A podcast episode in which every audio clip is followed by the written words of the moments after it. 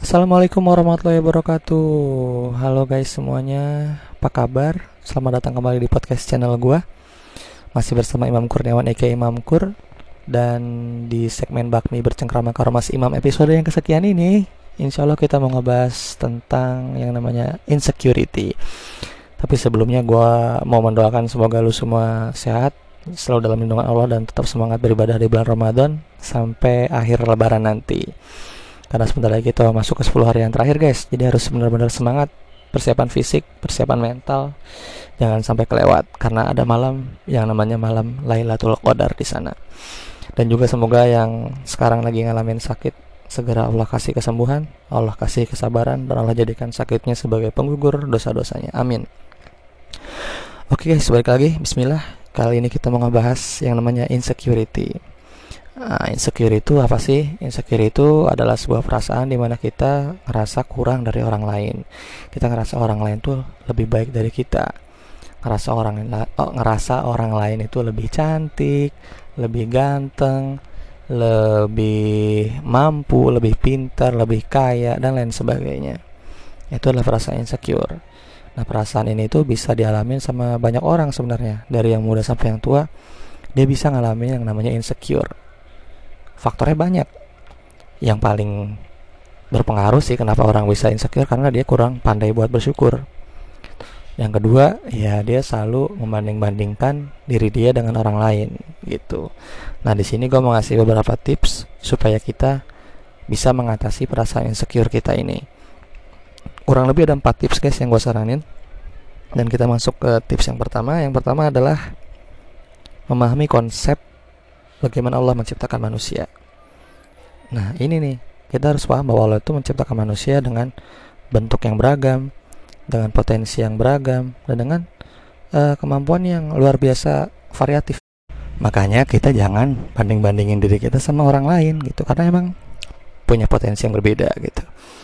Nah, yang kedua nih, tips dari gue untuk mengatasi insecure yang kedua adalah dengan mengenali diri lu sendiri lu kenal itu setelah lu paham bahwa Allah menciptakan manusia dengan potensi yang berbeda beda, potensi yang berbeda-beda lu kenalin diri lu. Apa sebenarnya yang jadi potensi lu? Dan apa kekurangan yang lu miliki? Setelah lu mengenal setelah lu tahu oh ternyata gue potensinya di sini oh ternyata kekurangan gue adalah ini. Ya lu fokus aja tuh di potensi lu. Lu fokus di sana. Misalkan lu jago olahraga ya lu fokus di olahraga. Tapi lu kurang di akademis ya lu belajar tuh akademis semampu lu dan semaksimal lu aja sampai batas di mana lu nggak bodoh-bodoh banget lah di situ. Gitu guys. Karena emang ya nggak bisa. Kita nggak bisa maksain potensi kita gitu. Allah yang ngasih potensi kita dan kita tuh cuma bertugas untuk mengembangkan gitu. Kita kembangkan potensi kita dan kekurangan kita ya kita tambah sedikit-sedikit lah gitu. Sekali lagi jangan banding-bandingin diri kita sama orang lain. Diri kita itu punya keunikan sendiri. Diri kita itu berbeda yang ketiga adalah harus bersyukur. Bersyukur itu apa sih? Bersyukur itu adalah menerima apa yang kita miliki dan terus berusaha memaksimalkan potensi yang kita punya. Gitu guys. Jadi setelah kita tahu nih kelebihan kita adalah A, kekurangan kita ada B adalah B. Ya udah. Kita terima tuh. Sambil kita terus mengembangkan potensi yang kita punya semaksimal-maksimalnya yang kayak tadi yang kayak tadi lu jago di olahraga ya udah terusin lu olahraga. Lu jago di bidang teknik ya udah lu fokus di bidang itu. Dan kekurangan yang lu punya dari misalkan lu ngegambar lu jelek segala macam ya lu belajar lah sedikit sedikit itu jadi jadi bersyukur itu bukan kita pasrah aja gitu. Ya udahlah gitu gue emang belum on di bidang itu udahlah gue nggak mau belajar. Enggak bukan gitu. Berusaha itu adalah bagian dari syukur guys. Ya enggak berusaha itu bagian dari syukur. Dan ya itu tadi kita harus terus berusaha. Walaupun emang kita bukan potensinya di sana tapi kita harus berusaha nambel sedikit-sedikit supaya kita nggak bodoh-bodoh banget. Dah itu deh. Tapi buat potensi yang kita miliki itu kita harus explore kita harus kembangin gitu. Terus yang keempat adalah kita harus sadar bahwa hidup itu cenderung sin sawang sinawang kalau kata orang Jawa. Jadi cuma sekedar lihat melihat kita kan selalu ngerasa orang lain itu lebih baik. Kita akan selalu ngerasa orang lain hidupnya lebih bahagia. Kita selalu ngerasa bahwa rumput kita selalu ngerasa bahwa rumput tetangga itu lebih hijau dari rumput sendiri. Selalu deh ada perasaan kayak gitu di hati kita. Nah orang lain pun ngeliat kita sebenarnya kayak gitu. Jadi kenapa gue bilang kita harus bersyukur kita harus mengenali diri kita sendiri dan kita harus paham tentang konsep penciptaan manusia ya supaya kita sadar gitu bahwa emang perasaan iri kita selama ini itu cuma sekedar sawang sinawang gitu. Kita nggak tahu kekurangan yang dialamin kesulitan yang dialamin. Yang kita tahu itu cuma enak-enaknya doang.